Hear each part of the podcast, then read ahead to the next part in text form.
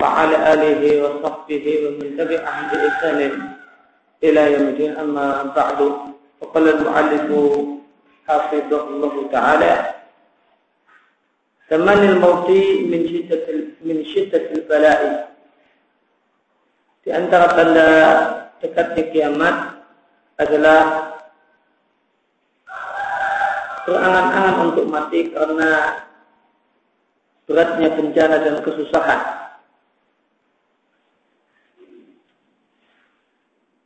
Dari Abu Hurairah radhiyallahu anhu Rasulullah sallallahu alaihi wasallam bersabda, "Katakum sa'ah kiamat tidak akan terjadi sampai seseorang itu melewati kubur orang yang telah meninggal lalu mengatakan ya laitani makanamu itu seandainya aku berposisi di posisinya seandainya aku menempati tempatnya dengan bahasa lain seandainya aku mati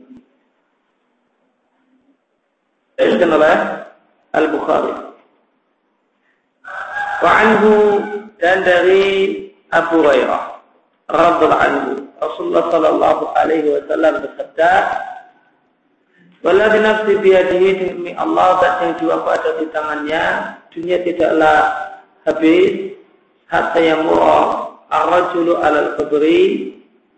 Sehingga seorang itu melewati satu makam. Fatamar alaihi lalu dia menggulung-gulungkan badannya di atas makam dan mengatakan ya laitani kuntu makana sahibi hadal qabri. Itu seandainya aku menempati posisi orang yang ada dalam kubur ini. Artinya seandainya aku mati. Walaysa bihi ad-dainu dan tidak ada padanya mungkin bacanya ad-dainu dia, dia berkeinginan untuk mati itu bukan karena punya banyak utang. Ilal bala'a ila bimana lakin.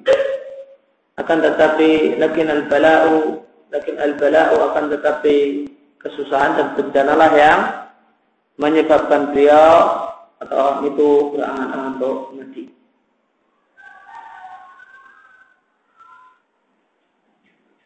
Maka istisna atau ilah itu terkadang maknanya adalah lakin. Ini dalam ilmu nahu manakala istisna tersebut adalah istisna mengkotek. Ya istisna itu istisna mengkotek maka ilah tidak uh, bermakna ilah akan tapi ilah maknanya lakin. Sehingga mana kalimat lakin al balaa asobahu akan tapi bencana dan kesusahan itu menimpanya sehingga dia berangan-angan untuk mati. Dan berangan-angan untuk mati yakunu terjadi pada saat banyak terjadi fitan, terjadi pertengkaran dan perselisihan dan berubahnya keadaan dan bergantinya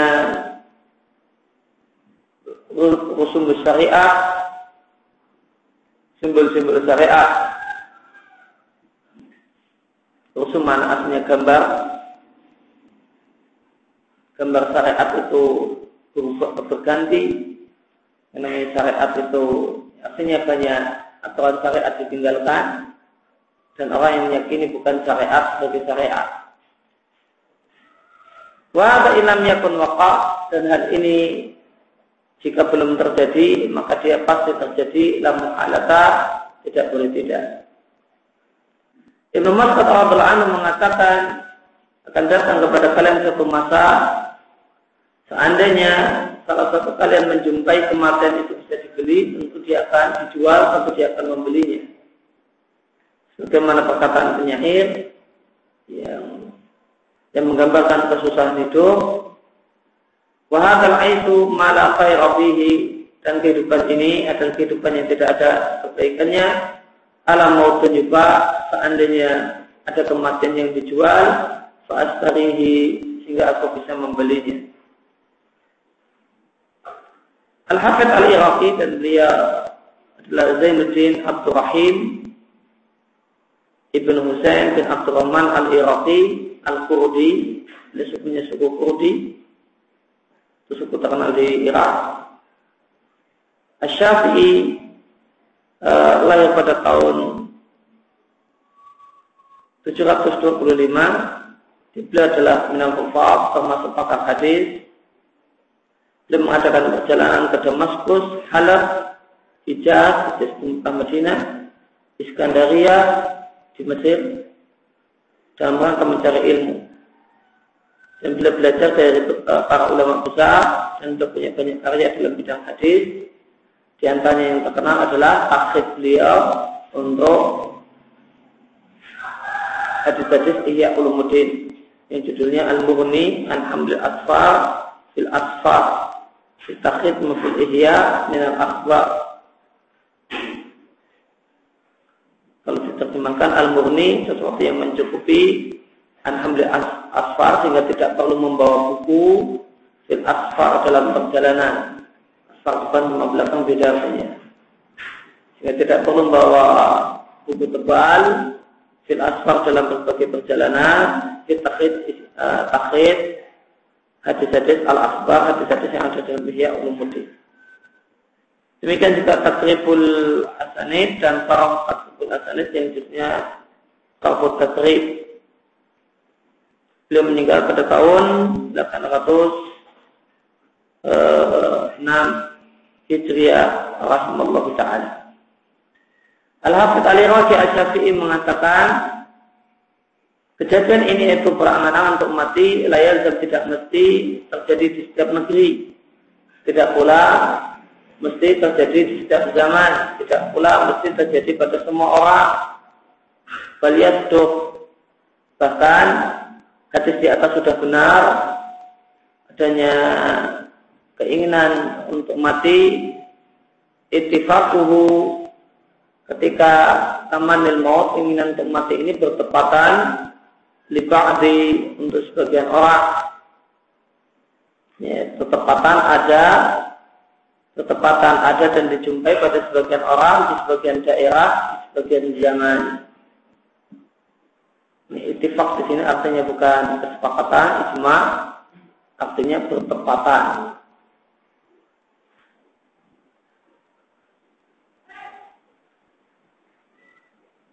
Nanti artikan kesepakatan, sepakatnya sebagian orang untuk berangan-angan mati, berangan mati pada kesepakatan.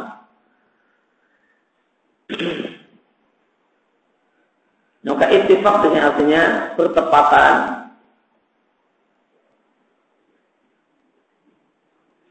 Ketika ketemu ittifaq jangan selalu diartikan kesepakatan, salah satu mana ittifaq bertepatan atau kebetulan bertepatan yaitu kebetulan dijumpai adanya sebagian orang lil fa'adi, sebagian orang yang berangan-angan untuk mati di sebagian tempat, di sebagian zaman. Kemudian di sini Nabi mengkaitkan keinginan untuk mati itu manakala muru melewati makam. Apa makna? Kenapa kok disebut-sebut lewat makam ingin matinya kok pas lewat makam, isyar ini menunjukkan betapa beratnya apa yang menimpa manusia ketika itu, yaitu betapa rusaknya keadaan pada saat itu. Kenapa? Karena yang namanya seorang itu boleh jadi berangan-angan untuk mati mindari istihdar lihayatihi ketika dia belum ingat dan melihat dihayatihi keadaan orang mati. Syahad dan mauta ketika dia menyaksikan dan melihat sendiri orang-orang yang sudah mati dan dia melihat kubur nasyaza bitab'ihi maka dia menolak keinginan untuk mati dengan tabiatnya. Wanafara dan dia menolak dengan uh, dengan tabiatnya untuk berangan-angan mati Nah karena likuat disita karena betapa kuatnya kesulitan dan keberatan maka masyahadu min wasyatil kubur kengerian kubur yang dia saksikan lam yasrifu tidaklah menghalanginya untuk uh, untuk menginginkan mati. Jadi kenapa di sini Nabi uh, apa makna kenapa orang itu ingin mati ketika melihat kubur? Ini Nabi mau mengatakan betapa sulitnya keadaan. Karena umumnya orang itu boleh jadi ingin mati ketika dia belum melihat kuburan, belum melihat orang yang mati. Ketika dia lagi susah di kamar, di rumah, wah kayaknya mati itu enak. Kemudian ketika dia yang boleh jadi ketika dia lihat betapa susahnya orang itu mati karena dia melihat sendiri orang-orang mati, dia melihat kuburan, nah, itu tabiatnya atau jiwanya memberontak, menolak untuk berangan-angan untuk mati. Nah orang itu tetap nekat berangan-angan mati ketika melihat orang-orang mati, ketika faktor pendorong untuk ingin mati itu demikian kuatnya. Ini tidak akan terjadi uh, melihat kondisi orang-orang sudah mati kok masih tetap nekat, ingin mati tidaklah terjadi kecuali orang itu jangan uh, punya semangat yang luar biasa untuk ingin mati karena begitu kuatnya dan hebatnya faktor pendorong yang mendorong dia untuk berangan-angan mati. Maka ini menunjukkan kata-kata ketika berarti kubur kemudian berangan-angan untuk mati menunjukkan betapa beratnya dan sulitnya keadaan ketika itu. Kemudian apa yang Nabi ceritakan dalam hadis ini adalah bertolak belakang dengan larangan kematian. Karena isi dari hadis ini, hadis yang kita baca adalah menceritakan apa yang akan terjadi dan ini tidak menyinggung menyinggung-nyinggung tentang hukum syar'inya. Ini cuma menceritakan realita kalau menceritakan realita itu bukan berarti belum tentu besok akan terjadi begini-begini, bukan berarti setuju menyetujui hal tersebut.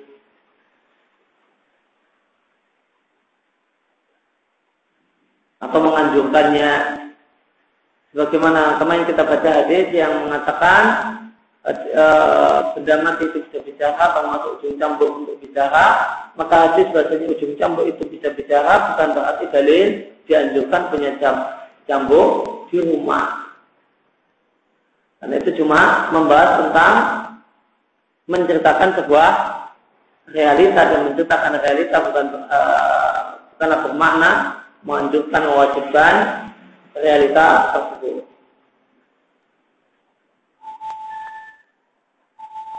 Kecuali jika menceritakan realita itu diiringi pujian.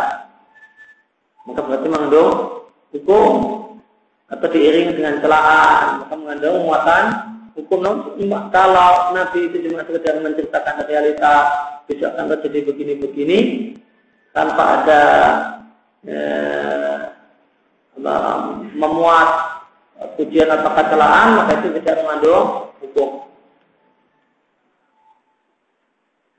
Wa Nabi Sallallahu Alaihi Wasallam dan Nabi menceritakan bahasanya akan datang pada manusia sidah kesulitan wa ina atau anak kesulitan sampai-sampai mereka berangan-angan untuk segera munculnya Dajjal. Dari Hudzaifah anhu Rasulullah sallallahu alaihi wasallam bersabda akan datang pada manusia satu masa di mana manusia di masa tersebut berkeinginan berangan-angan untuk segera munculnya Dajjal. Maka katakanlah Rasulullah, tebuskan tebusan tebusanku bapak dan ibuku. Kata-kata di abi wa umi bak di sini bukan bak e, sumpah, namun bak karena maknanya bagaimana kata An-Nawawi antam masdiyun bi abi wa umi Bi abi wa umi itu singkatan dari antam mafdiyun bi abi wa umi. Demikian penjelasan An-Nawawi di Sahih Muslim. Antamasian engkau kutebus dengan bapak dan ibuku. Maka ini namanya uslubul bidah, bahasa tebusan. Yang ini merupakan salah satu cara orang Arab untuk menekankan satu kalimat. Menegaskan satu kalimat. Mimma kenapa hal tersebut terjadi? Maka Nabi mengatakan mimma yalqawna minal anak wal anak karena kesulitan dan keberatan yang dijumpai oleh manusia ketika itu. Sampai-sampai wah, kalau seandainya Dajjal cepat keluar dan cepat kiamat, kita bisa cepat bebas dari kesulitan ini. Kemudian e, tanda kiamat berikutnya adalah kasaturum banyaknya orang Romawi waktu itu muslimin dan orang Romawi memerangi kaum muslimin. Di catatan kaki nomor tiga disampaikan bahasanya Rom itu keturunan Al-Ais Al-Ais bin Ishaq bin Ibrahim. Maka dia Bani Ishaq. Al-Mustarid Al-Qurasi satu ketika berada di dekat Amr ibn As, radhiallahu anhu Uh, kemudian Mustarid mengatakan aku mendengar Rasulullah Sallallahu Alaihi Wasallam bersabda, kiamat tidak akan terjadi sampai warumu aktaruna sampai mayoritas manusia adalah orang-orang Romawi. Maka Amr menghardik Mustarid dengan mengatakan, Abasir pun, lihat-lihat apa yang kau katakan. Maka Al-Mustarid mengatakan, aku mengatakan apa yang semata-mata apa yang aku dengar dari Rasulullah Sallallahu Alaihi Wasallam. Dari Auf bin Malik al Asyair radhiallahu anhu Rasulullah Sallallahu Alaihi Wasallam bersabda, e, hitunglah enam perkara yang terjadi sebelum kiamat terjadi. Di antaranya sumabudinatun kemudian kencatan senjata yang terjadi antara kalian dengan Bani Asfar. Bani Asfar bersama dengan Romawi. Lalu mereka melanggar gencatan senjata, lalu mereka memerangi kalian, mendatangi kalian di bawah 80 eh, bendera, masing-masing bendera terdapat 12 ribu pas orang Romawi. Roya maknanya adalah roya, mata man asal roya adalah tujuan ya. Nah, kenapa bendera disebut roya? Li'annaha royatul muttabi' karena dalam perang bendera itu adalah tujuan dari orang e, pasukan tentara yang mengikuti di belakangnya. Jika bendera berhenti, berhenti. Jika bendera berkibar, berjalan, maka mereka berjalan. Karena e, seperti itu fungsi bendera maka disebut roya. Di sini diatkan oleh Bukhari. Dari Jabir bin Samurah dari Nabi bin Utbah, Nabi bin Utbah mengatakan, kami bersama Rasulullah Sallallahu Alaihi Wasallam, Fahfitu maka aku menghafal dari Nabi empat kalimat A'afduhunna fi yadi yang aku hitung benar-benar empat kalimat itu dengan tanganku Nabi mengatakan kalian akan memerangi Jazirah Arab lalu Allah akan memberikan kemenangan kepada kalian untuk bisa menaklukkan Jazirah Arab yang pertama. Kemudian kalian akan memerangi orang-orang Persia kalau Allah memberikan kemenangan kepada kalian. Dan kalian yang ketiga, dan kalian akan memerangi Romawi dan Allah memberikan kemenangan kepada kalian. Kemudian yang keempat, kalian akan memerangi Dajjal dan Allah memberikan kemenangan kepada kalian.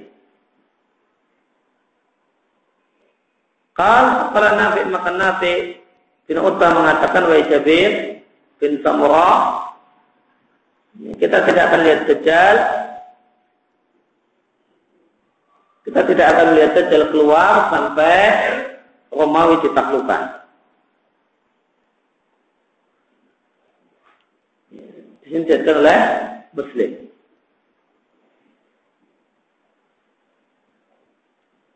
Uh, dalam hadis ini terdapat faedah penting di mana Nabi Shallallahu Alaihi Wasallam mengatakan bahasanya uh, kalian yaitu para sahabat akan memerangi Dajjal dan akan uh, memerangi Romawi. Dan Nabi mengerti bahasanya Dajjal itu uh, nanti di akhir zaman Nabi menggunakan kata-kata tabzun kalian itu para sahabat.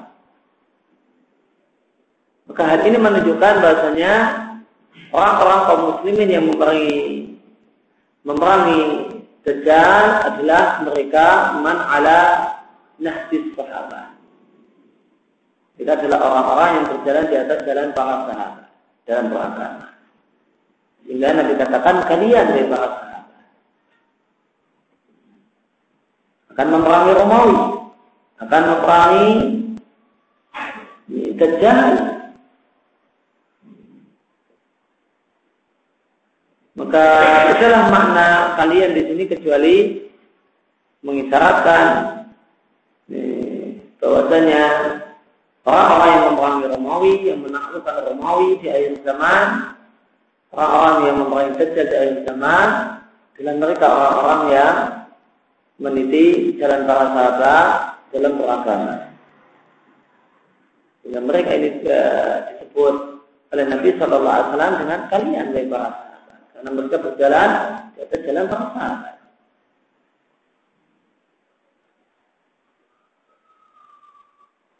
Mungkin ini menunjukkan kemuliaan eh, orang yang berjalan di atas jalan para di mana mereka Nabi kabarkan setelah orang-orang yang akan menakutkan Romawi, mereka orang-orang yang akan membangun Dajjal.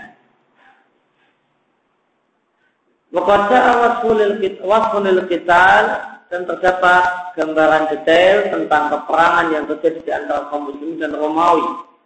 Dalam hadis dari Yasir bin Jabir, beliau mengatakan, bertiuplah, bertiup kencang angin merah, rihu hamra di Kufah. Fajar Rasul lahu hajiri ilayah Abdullah bin Mas'ud ja'asa. Maka datanglah seseorang yang dia tidak punya yang dia tidak memiliki eh, kata-kata uh, yang suka digembar-gemborkan kecuali kata-kata ya Abdullah bin Mas'ud yang telah datang. Maka datanglah seorang yang suka sekali gembor-gembor, kiamat telah datang, kiamat telah datang. Hajiri, eh, dikasih ha, hi, tadi ya. Hijiri, artinya adalah da'buhu wa sya'nuhu. Da'buhu kebiasaannya, sya'nuhu sifatnya, ada tuh kebiasaannya, daidanhu gembar-gembornya. Gembar-gembor itu kebiasaan namun kebiasaan ya diucapkan zaidana eh, kebiasaan namun kebiasaan yang diucapkan bukan dilakukan kalimat yang selalu diucapkan terus sering saya diucapkan namanya. Itu disebut zaidana maka setelah seorang yang suka gembar-gembor kiamat telah datang kiamat telah datang. Fakal Kal ada wakana mutakian maka orang tersebut duduk wakana mutakian dan dia duduk sambil bersandar fakal maka Ibnu Mas'ud mengatakan Ya kiamat tidak akan terjadi sehingga warisan tidak lagi dibagikan dan orang tidak merasa gembira dengan mendapatkan ghanimah.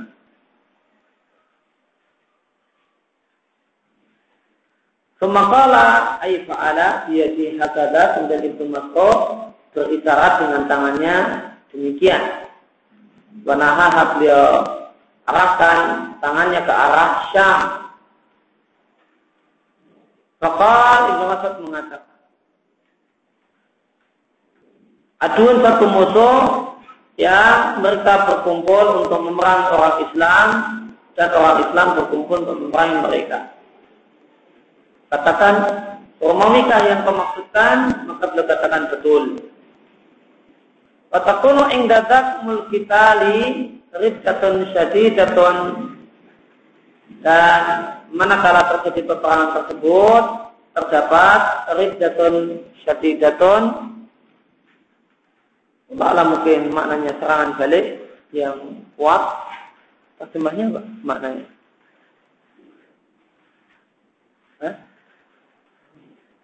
Tidak ketemu Lihat Ridah itu maknanya bisa murtad, bisa kalau dikembalikan dari kata-kata radda punya kembali. Iya, perlawanan. Terjemahnya terjemahkan dengan perlawanan.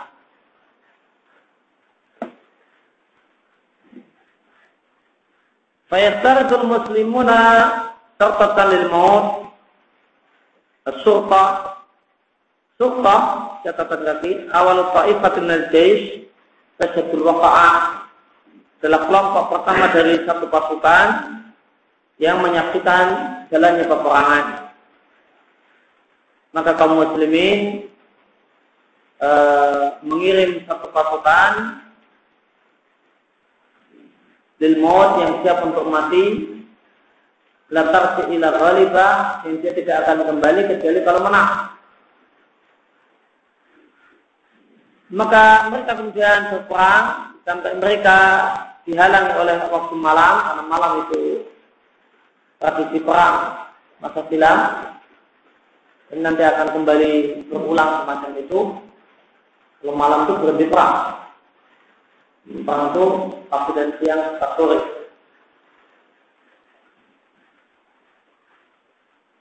Fayafi maka kembalilah mereka dan mereka. Kulun ghairu ghalibin. Tidak ada yang menang.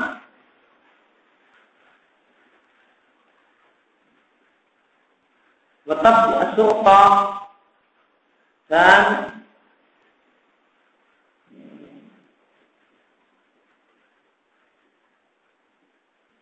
mana asalnya taknya adalah hapus bila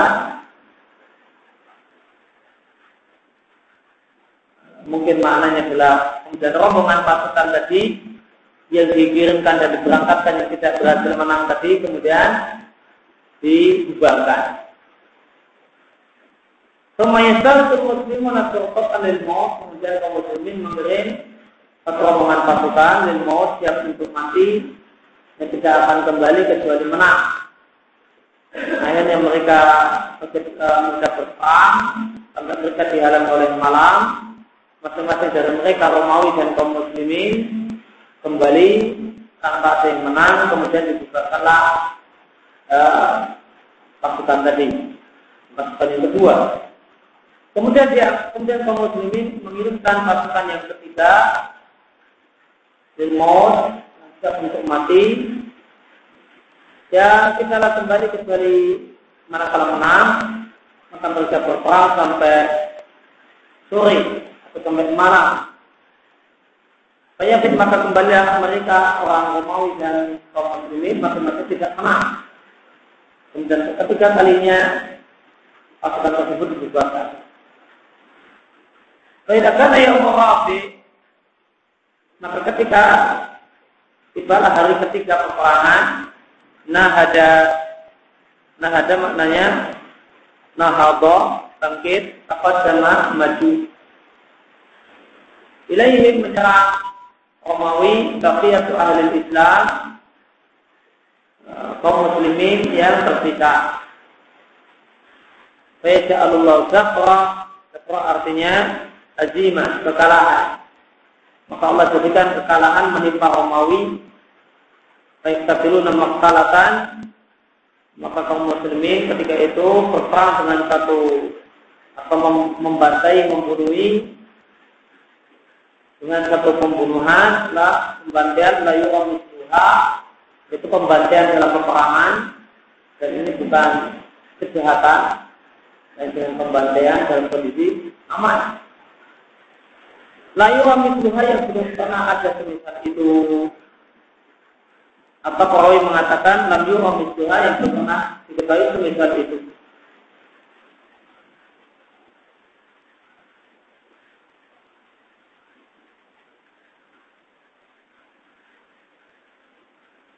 hatta inna faqir laisa bijambatihim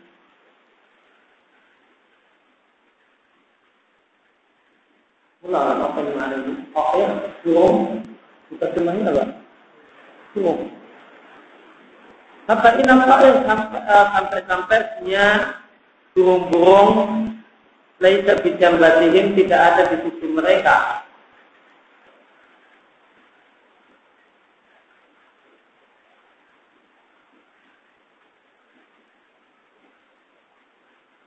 Fama yukhallifu mata yakhiru mayita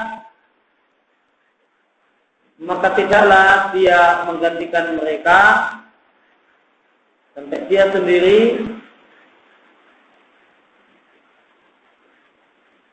yakhiru tersungkuh mayita dan keadaan mati.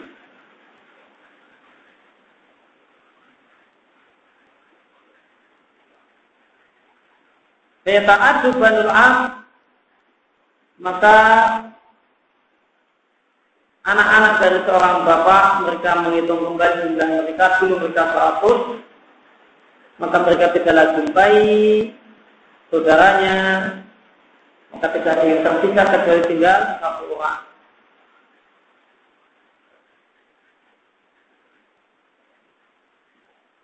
Kalimat ini saya kurang paham Pak terjemahnya bisa membantu memahami.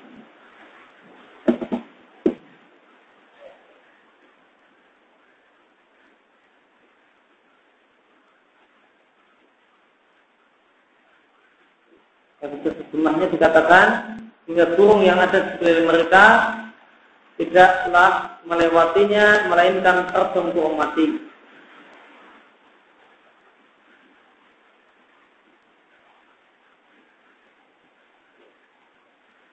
Ketika itu ada uh, satu keluarga, satu orang yang ikut perang, maka selesai akhir peperangan, tidak ada yang tidak ada yang selamat kecuali satu orang saja. Tapi air ghanimah perang, maka dengan ghanimah atau rampasan perang yang apa dia gembira maka satu orang yang tersisa ini pun tidak bahagia. Semua saudaranya mati. Maka tidak ada kegembiraan, kebahagiaan karena mendapatkan ghanimah.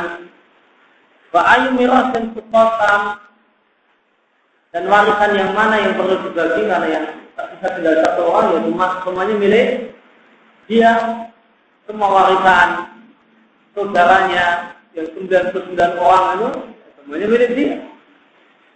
Enggak enggak dibagi. Karena dia satu-satunya ahli waris yang tersisa. Itu makna perkataan Ibnu Mas'ud. Kiamat tidak akan terjadi sampai warisan tidak lagi dibagikan dan orang juga tidak lagi gembira karena mendapatkan harta rampasan perang. Bapak itu mahu kadalik maka pada saat mereka dan kondisi semacam itu maka mereka mendengar adanya satu peperangan yang lebih besar dari itu. Pada amusarihu maka datanglah seorang yang berteriak Inna dajjala qad khalaqahum fi dararihim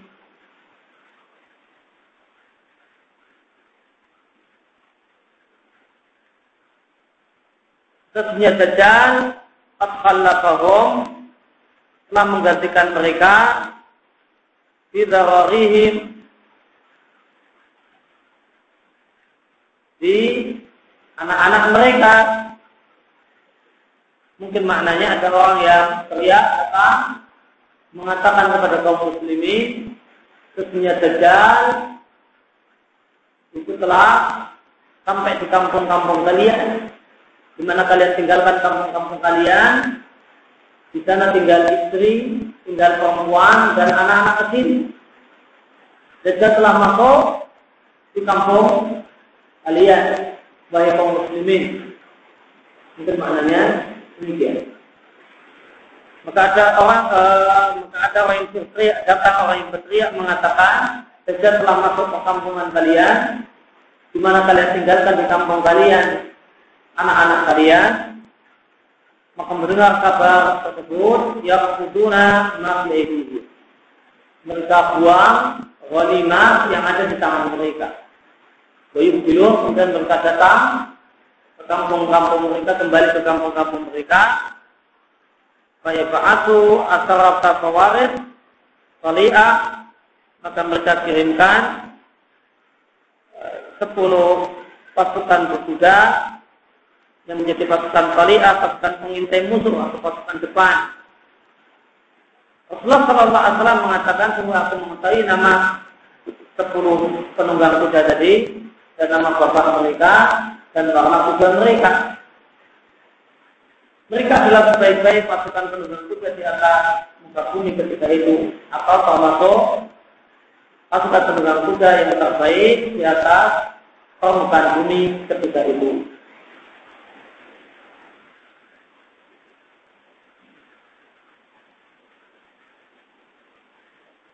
Bahasa kita yang maksudnya peperangan yang Nabi yang diceritakan dalam cerita itu masuk tadi terjadi di negeri di akhir zaman seperti sekarang Lebanon, Palestina, Syria, dan Jordan. Terjadi di negeri di akhir zaman sebelum munculnya Dajjal. Bagaimana dijelaskan oleh banyak hadis. Dan kemenangan kaum muslimin mengalahkan Romawi ketika itu adalah persiapan untuk penaklukan Konstantinopel. Dari Abu Hurairah radhiyallahu anhu Rasulullah sallallahu alaihi wasallam bersabda, kiamat akan terjadi sampai orang-orang Romawi itu menduduki daerah Akma. Akma adalah satu daerah di dekat Dabik.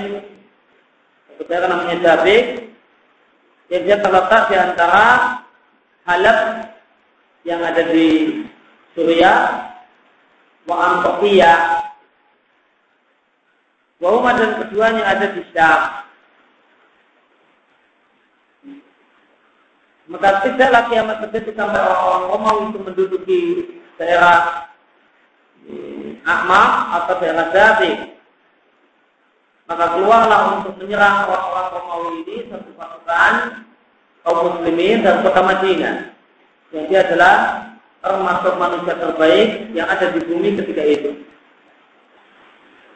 Faidah tasawuf maka ketika kaum muslimin telah menatap kau barisan untuk menyerang orang Romawi, orang Romawi mengatakan, kalau bainana bainal ladzina minna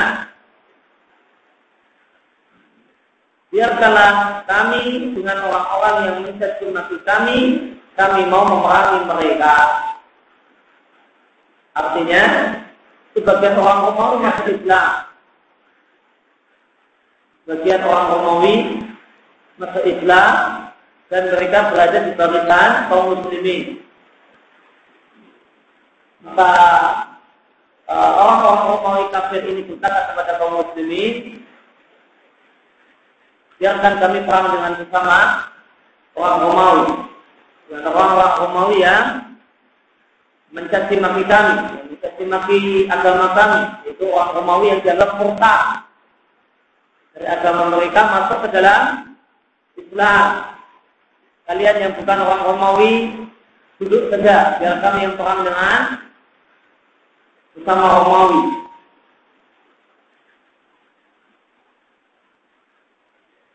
Mungkin dimaksud dengan tak minna mencaci maki mencaci maki minat di antara kami adalah orang-orang orang-orang Romawi yang meninggalkan agamanya dan ya, memeluk Islam.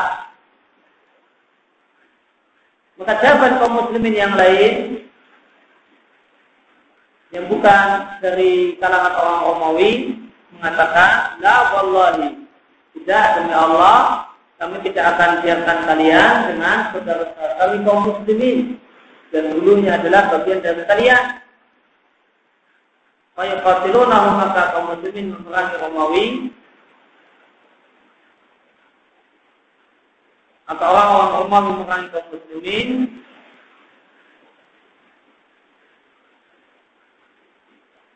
Fayuhzam sulusun atau fayahzam layak yatubullah alaihim abadan. Maka kaburlah sepertiga pasukan kaum muslimin yang Allah tidak akan menerima korban mereka selamanya. Dan terbunuhlah sepertiga kaum muslimin yang lain yang mereka adalah uh, afdal syuhada syuhada yang paling utama di sisi Allah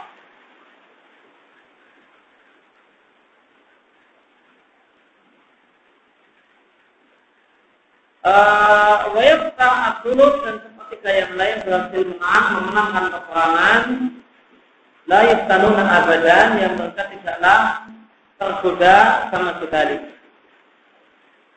Akhirnya mereka ini kemudian menaklukkan Konstantinopel. Maka pada saat mereka sedang membagi ghanimah harta rampasan perang, Waqat Allah kusifahum fi zaitun dan mereka telah menggantungkan pohon pedang-pedang mereka di pohon zaitun itu habis syaitan maka iblis atau setan berteriak di tengah-tengah mereka innal masiha sesungguhnya dajjal Tepallah fi ahlikum telah sampai di kampung kalian. Yang kalian tinggalkan di kampung kalian itu keluarga kalian, istri dan anak kalian. Fayahujuna maka kaum muslimin kaum muslimin keluar dari Konstantinopel Wadhalika batil padahal disangkatnya adalah berita bohong.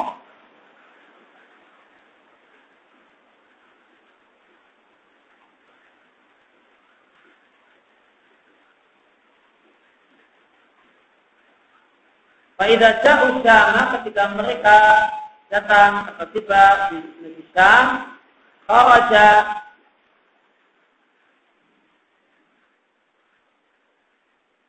maka muncullah Dajjal.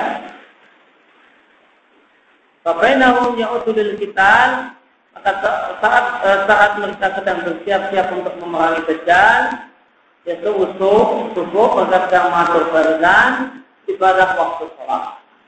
Lalu turunlah Isa putra Maryam saat itu Sallallahu Alaihi Wasallam.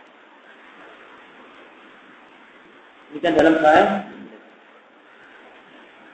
dari Abu Darda radhiyallahu anhu Rasulullah sallallahu alaihi wasallam mengatakan inna fisatal muslimin Puspa artinya adalah Madinah kota yang tinggal di sana alat pihak yang di kota tersebut tempat berkumpulnya banyak orang maka setiap kota dalam bahasa Arab bisa disebut Puspa Jadi sebenarnya Puspa sama dengan kota. Inna fisatal muslimin Yaman Malhamah, kota tempat berkumpulnya kaum muslimin pada saat terjadi Malhamah. Malhamah peperangan besar kaum muslimin dengan orang-orang Romawi.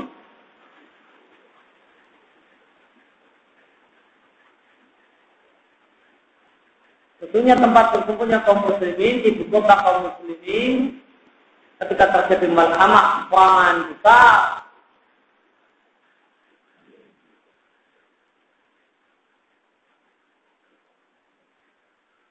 adalah di ardil uh, di ardil di satu daerah di Ghawta Ghawta diambil dari kata-kata raid yang artinya adalah tanah yang landai.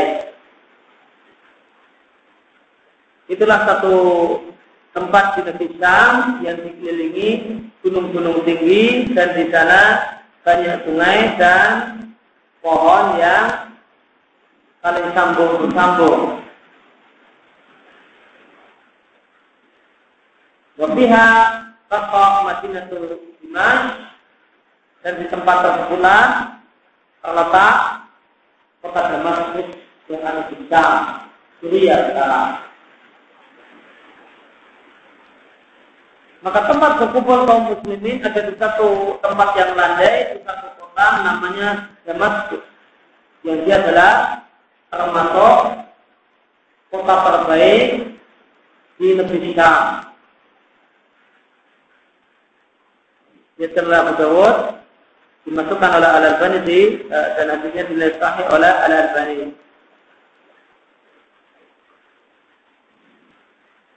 Ibnu Munayyir Ibnu Munayir adalah al-hafir, seorang pakar hadis, Zainuddin Abdul Latif bin Taqiyuddin Muhammad bin Munayir Al-Halabi.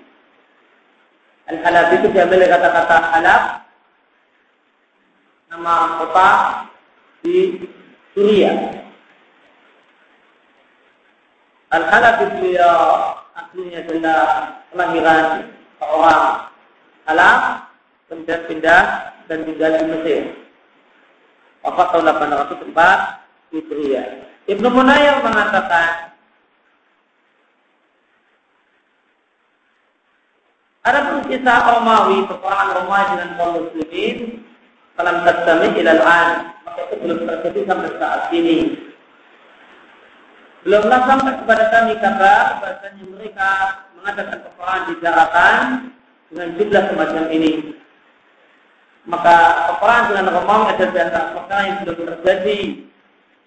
Dan dalam hadis tentang peperangan kaum muslimin dengan Romawi yang akan terjadilah malhamah peperangan besar. Terdapat kabar gembira dan kabar ancaman. Kabar gembiranya karena kisah tersebut menunjukkan bahasanya akibat yang baik untuk orang-orang yang beriman maaf kasrati dari kaljain padahal begitu banyak pasukan Romawi.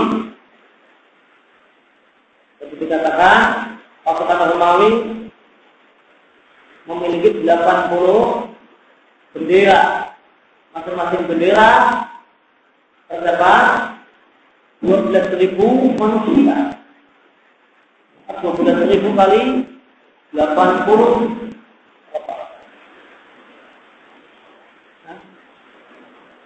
Sembilan ratus? Jumlah yang sangat banyak sekali. Tapi bicara gembira,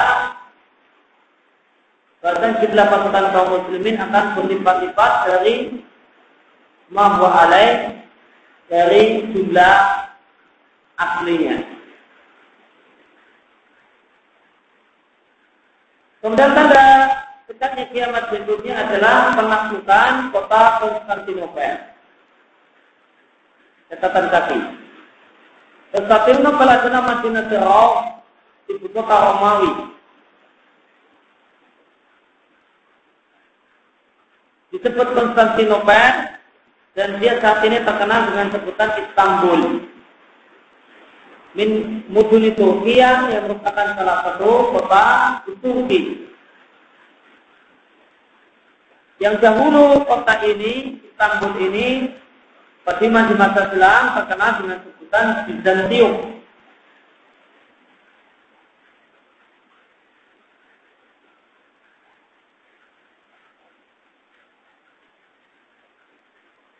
Kemudian tatkala Raja Romawi yang namanya Konstantin Al-Akbar. Tatkala Raja Romawi yang namanya Konstantin Akbar itu berkuasa dan alihasuron dan Konstantin itu membangun beteng keliling yang mengelilingi kota ini. Bersama kemudian dia namai benteng keliling yang dia tahu untuk mengelilingi kota ini, tetapi Zanzibar ini dia namai namai Konstantinia. Eh, kemudian dia jadikan daerah tersebut sebagai ibu kota kerajaannya. Walah Khalid, kota ini, Konstantinopel ini memiliki telur min jihadil bahar dari arah laut. Yatifu biha ya kalau ini mengelilingi Konstantinopel.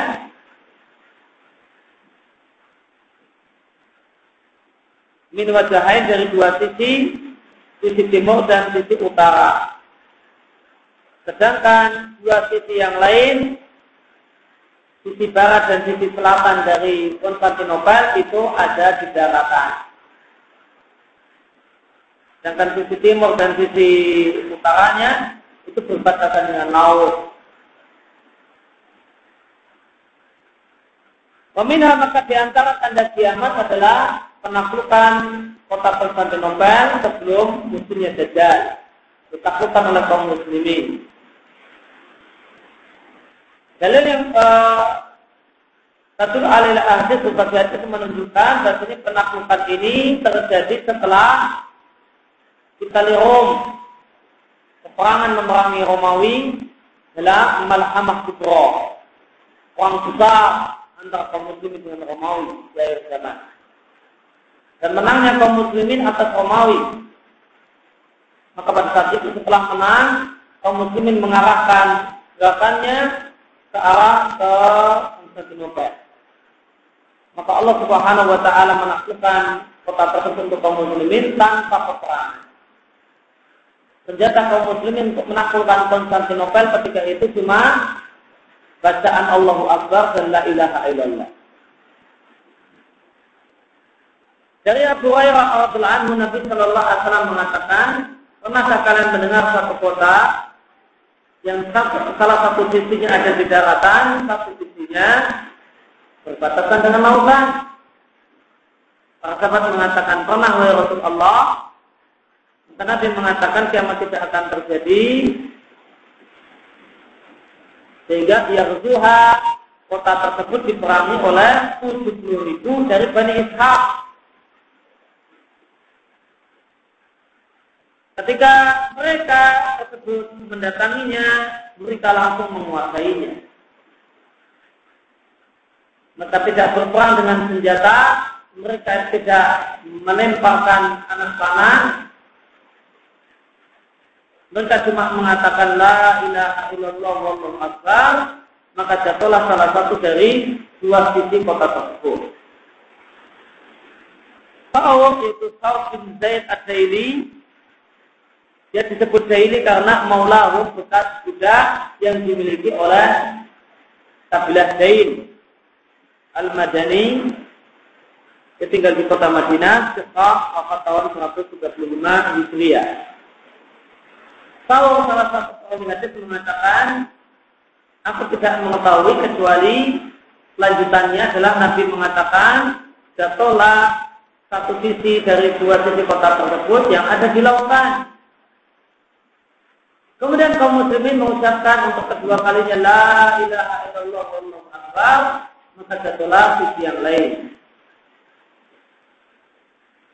Kemudian kaum muslimin mengucapkan la ilaha illallah wallahu akbar fayuqamat lahum maka datanglah berita gembira untuk mereka Fayadkhuluha lalu mereka e, memasukinya kemudian mereka pun mengambil ghanimahnya.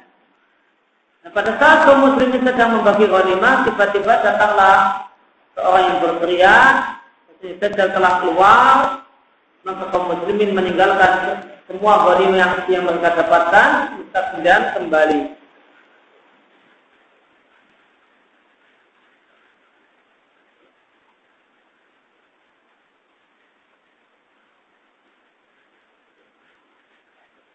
Uh, hadis ini menimbulkan iska, menimbulkan kebingungan karena dalam hadis ini Nabi mengatakan bahwa Konstantinopel akan diserang oleh kaum muslimin yang jumlahnya 70 ribu dan mereka adalah Bani Ishaq.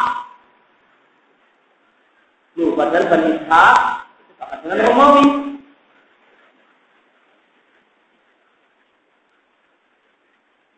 Padahal Romawi itu Bani Ishaq. Romawi adalah Bani Ishaq karena mereka itu keturunan Al-Ain bin Ishaq bin Ibrahim. Maka bagaimanakah mungkin kota Konstantinopel yang merupakan kotanya Romawi ditaklukkan di tangan orang-orang Romawi. Al-Qadiyat mengatakan Bani Ishaq hakada demikian tertulis Bani Ishaq di semua usul Sahih Muslim. Usul di sini maknanya riwayat Sahih Muslim. Karena saya Muslim sampai kepada kita itu melalui beberapa riwayat.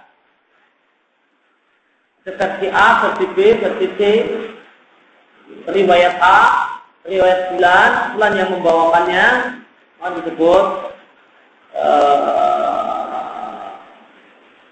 A. Ada B yang membawakannya, maka dia versi B.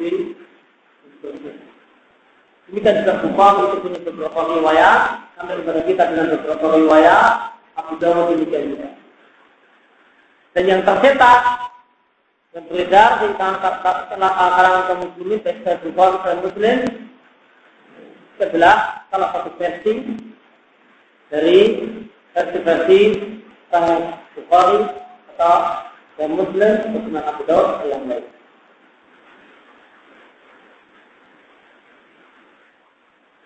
Kalau orang ingin tahu seperti yang lain, misalnya dari saya Bukhari, maka adalah kita bisa baca Fathul Bari.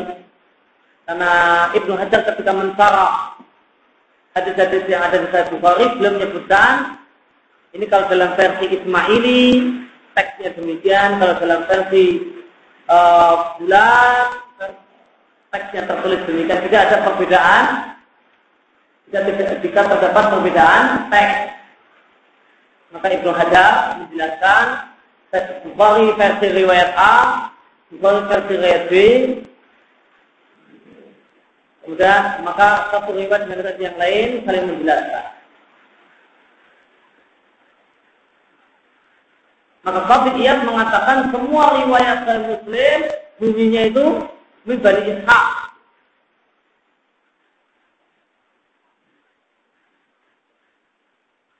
Maka dan Fatihiyat mengatakan, sebagian ulama mengatakan yang benar al-ma'ruf al-mahfuz uh, ma'ruf itu berarti lawan dari mungkar, itu lawan dari sab. Maka riwayat yang tidak sab mengatakan min Bani Ismail. Karena inilah yang dimaksudkan oleh hadis dan konteks hadis menunjukkan hal tersebut. Karena ini dimaksudkan adalah orang-orang Arab. Bukan orang-orang Romawi. Maka berarti harusnya Bani Ismail. Maka sebenarnya Pak, uh, Al-Qadiyat menceritakan sebagian ulama menilai redaksi min Bani Ishaq itu khas dan riwayat yang mahfuz, riwayat yang tidak pas, berbunyi min bani Ismail. Ini ada pendapat sebagian ulama menurut kutipan keterangan Al-Qadiyah. Namun menurut Ibnu Katsir, terlihat ini tidak masalah. Min Bani Ishaq di sini, problem dengan min Bani Ishaq. Sedangkan Al-Hafidh Ibn mengatakan hadis ini menunjukkan bahwasanya orang-orang Romawi akan masuk Islam di akhir zaman. Dan boleh jadi kemungkinan besar penaklukan Konstantinopel itu akan terjadi di tangan Ta'ifatun sejumlah orang dari Romawi, orang-orang Romawi yang masuk Islam. Kemudian dikatakan oleh hadis di atas, Rasanya Konstantinopel akan diperangi oleh 70 ribu Bani Ishaq. Waktu tidak ala dalik dan menguatkan perkataan Ibnu Katsir bahwasanya orang-orang Romawi itu mendapatkan pujian dari Nabi Sallallahu Alaihi Wasallam dalam hadis Al-Mutarid Al-Qurasi yang tadi kita baca. Al-Mutarid mengatakan kemudian Rasul bersabda, kiamat tidak akan terjadi sampai mayoritas manusia adalah Romawi. Atau mayoritas kaum muslimin adalah Romawi. Maka Amr bin As mengatakan, di hati apa yang kau katakan?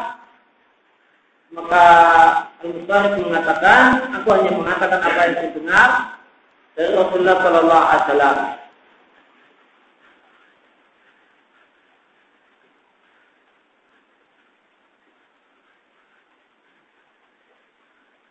Qala in kuntu seandainya aku tambahkan hadis tadi dengan perkataanku sendiri maka akan kukatakan bahasanya inna bihim bahasanya mereka orang-orang Romawi itu memiliki empat sifat yang terpuji.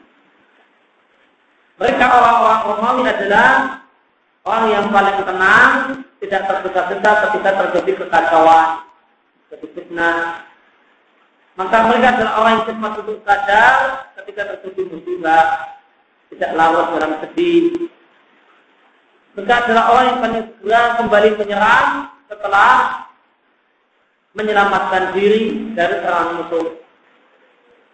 Kalau itu ketika orang kelihatannya tidak imbang, akhirnya menghindar dan berusaha untuk menyerang lagi. Maka mereka adalah orang yang paling cepat untuk menyerang lagi setelah mundur karena merasa peperangan tidak imbang. Dan mereka adalah orang yang paling baik, rasa orang miskin, yatim dan orang yang lemah, yang kelima yang baik, yang indah dari mereka adalah mereka adalah orang yang paling semangat untuk mencegah kezaliman para penguasa.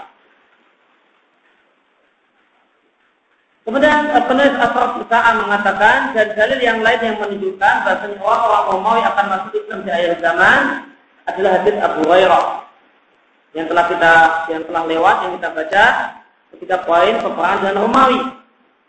Di sana disebutkan bahwa orang-orang Romawi berkata kepada kaum muslimin, biarkan kami berperang dengan Allah disabumina. Orang-orang Romawi yang mencaci maki kami, yang meninggalkan agama kami. Biarkan kami perang dengan mereka saja. Maka kaum muslim mengatakan tidak, demi Allah kami tidak akan biarkan kalian memerangi saudara-saudara kami. Maka dalam hadis ini orang-orang Romawi meminta kepada kaum muslimin untuk membiarkan mereka berperang dengan man minhum. Orang-orang Romawi yang dulunya tertawan. Ditawan oleh kaum muslimin. Karena para tawanan ini pada akhirnya masuk Islam. Maka kaum muslimin menolak permintaan orang-orang Romawi tersebut Wayubayinuna dan mereka menjelaskan kepada orang-orang Romawi bahasanya siapa saja yang masuk Islam dari orang-orang Romawi maka dia adalah bagian dari saudara-saudara kami kaum muslimin yang tidak akan kami serahkan pada siapa pun. Dan keadaan bahasanya yang mendominasi tentang kaum muslimin adalah man, uh, adalah orang-orang yang punya orang-orang kafir yang tertawan dan masuk Islam bukanlah satu hal yang aneh. Anawi mengatakan ini sudah ada di zaman kita. Mayoritas kaum muslim itu adalah mantan orang-orang kafir yang dulunya tertawan dan masuk Islam. Bahkan mayoritas pasukan Islam di negeri Syam dan Mesir dulunya mereka tertawan, kemudian mereka pada saat ini dengan puji Allah mereka menawan orang-orang kafir. Dan kaum muslimin telah e, menawar orang-orang kafir di zaman kita ini berkali-kali.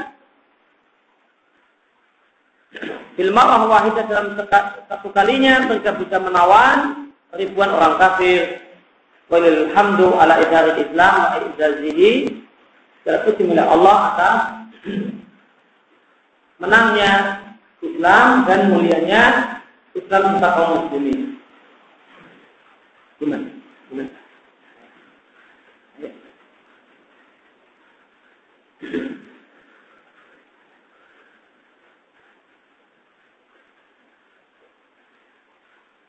Wa yu'ayyidu kaum hadzal syait dan hal yang menguatkan bahasanya pasukan kaum muslimin yang menaklukkan Konstantinopel adalah daripada Islam adalah pasukan Romawi jumlah mereka hampir satu juta, satu, eh, satu juta. Sebagian mereka terbunuh dan sebagian mereka masuk Islam Wa yakunu man aslama dan yang masuk Islam dari orang-orang pasukan Romawi tadi bersama akan bersama dan bergabung dengan tentara kaum muslimin yang menaklukkan Konstantinopel wallahu a'lam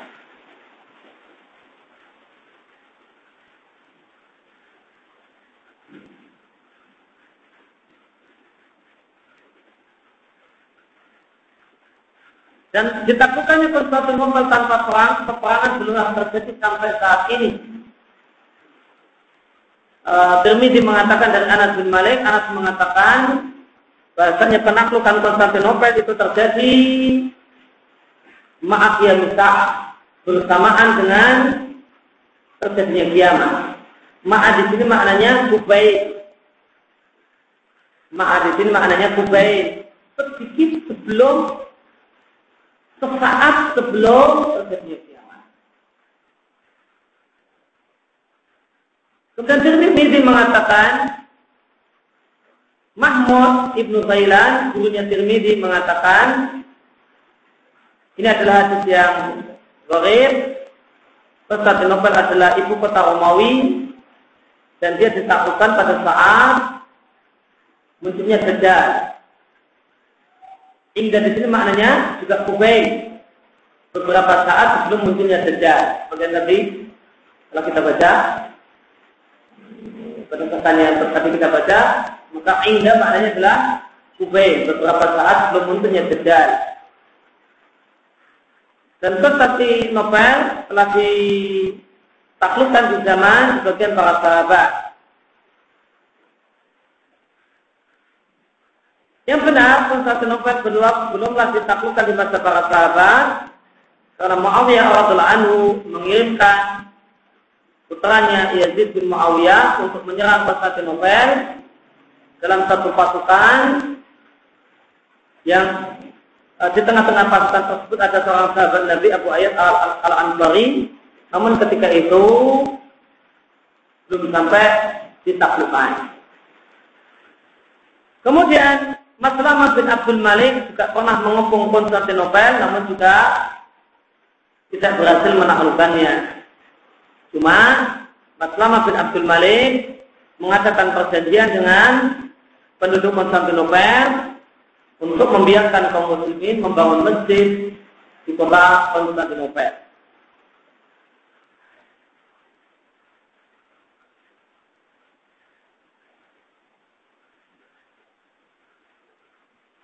Tidak ada orang yang mengatakan bagaimanakah dengan Turki yang telah menaklukkan Istanbul. Adapun Turki yang menaklukkan Konstantinopel atau Istanbul, maka itu terjadi dengan peperangan. Padahal penaklukan Konstantinopel yang dikatakan sebagai tanda akhir zaman itu tanpa peperangan, senjatanya cuma takbir saja. Kemudian Konstantinopel saat ini di bawah kekuasaan orang-orang kafir, maka Konstantinopel akan ditaklukkan penaklukan yang terakhir di akhir zaman nanti bagaimana diberitakan oleh Al-Qasid Al-Maksud seorang yang jujur dan benar dan seorang yang mendapatkan berita yang benar sallallahu alaihi wasallam. Ahmad Muhammad Syakir mengatakan penaklukan Konstantinopel yang dikabarkan dalam hadis itu akan terjadi di masa depan, boleh jadi masih dekat, sudah dekat atau masih jauh, Allah yang lebih tahu. Awal awal satu inilah penaklukan yang benar dan untuk Konstantinopel mana manakala kaum muslimin kembali kepada agama mereka di mana mereka saat ini kaum muslimin berpaling darinya. Adapun penaklukan Turki yang menaklukkan kota Istanbul untuk Konstantinopel yang terjadi sebelum masa kita saat ini, maka itu adalah pengantar untuk terjadinya penaklukan yang lebih besar. Kemudian eh, kota Konstantinopel telah keluar. Setelah itu telah keluar dari tangan kaum muslimin. Kapan kita katakan Konstantinopel telah keluar dari tangan kaum muslimin? Manakala pada saat pemerintah mereka mengumumkan Rasanya pemerintahannya adalah bukanlah pemerintahan Islami, akan tapi pemerintahan sekuler yang diumumkan oleh uh, Kamal Fatah Atasro. Maka dengan diumumkannya hal ini berarti Istanbul tidak lagi di tangan kaum muslimin. Dan bahasanya uh, Turki yang memiliki Istanbul itu gairu diniyah bukan lagi negara yang mengenal agama, wa ahadat kufar al Islam dan mereka uh, mengadakan perdamaian dengan orang-orang kafir musuh-musuh kaum uh, musuh-musuh Islam wa hakamat ummatuha dan bangsa Turki atau bangsa Konstantinopel ini uh, diatur dengan hukum uh, dengan undang-undang Wataniyah, undang-undang milik orang kafir, milik para penyembah berhala. Maka keadaan uh, kota Konstantinopel itu saat ini uh, statusnya bukanlah di tangan kaum muslimin. udah al-fatu al-islami, maka penaklukan yang islami untuk Konstantinopel insya Allah akan segera kembali bagaimana dikabarkan oleh Rasulullah Sallallahu Alaihi Wasallam. Maka ringkasnya keadaan Konstantinopel atau Bizantium uh, yang ada atau di sana yang mungkin yang ada saat ini di Turki, di mana Turki banyak kaum muslimin di sana, belumlah setelah uh, penaklukan Konstantinopel yang Nabi janjikan dalam hadis ini, karena penaklukan Konstantinopel yang Nabi janjikan dalam hadis ini itu tanpa peperangan maka penaklukan-penaklukan eh, Konstantinopel Konstantinopel dengan peperangan bukanlah eh, uh, bagian dari penaklukan Konstantinopel yang Nabi kabarkan dalam hadis ini. Demikian pula Nabi sampaikan bahasanya yang menaklukkan adalah orang Romawi yang masuk Islam. Ini kan konsep yang kita baca dalam kesempatan pagi hari ini. Wassalamualaikum warahmatullahi wabarakatuh. Alhamdulillah.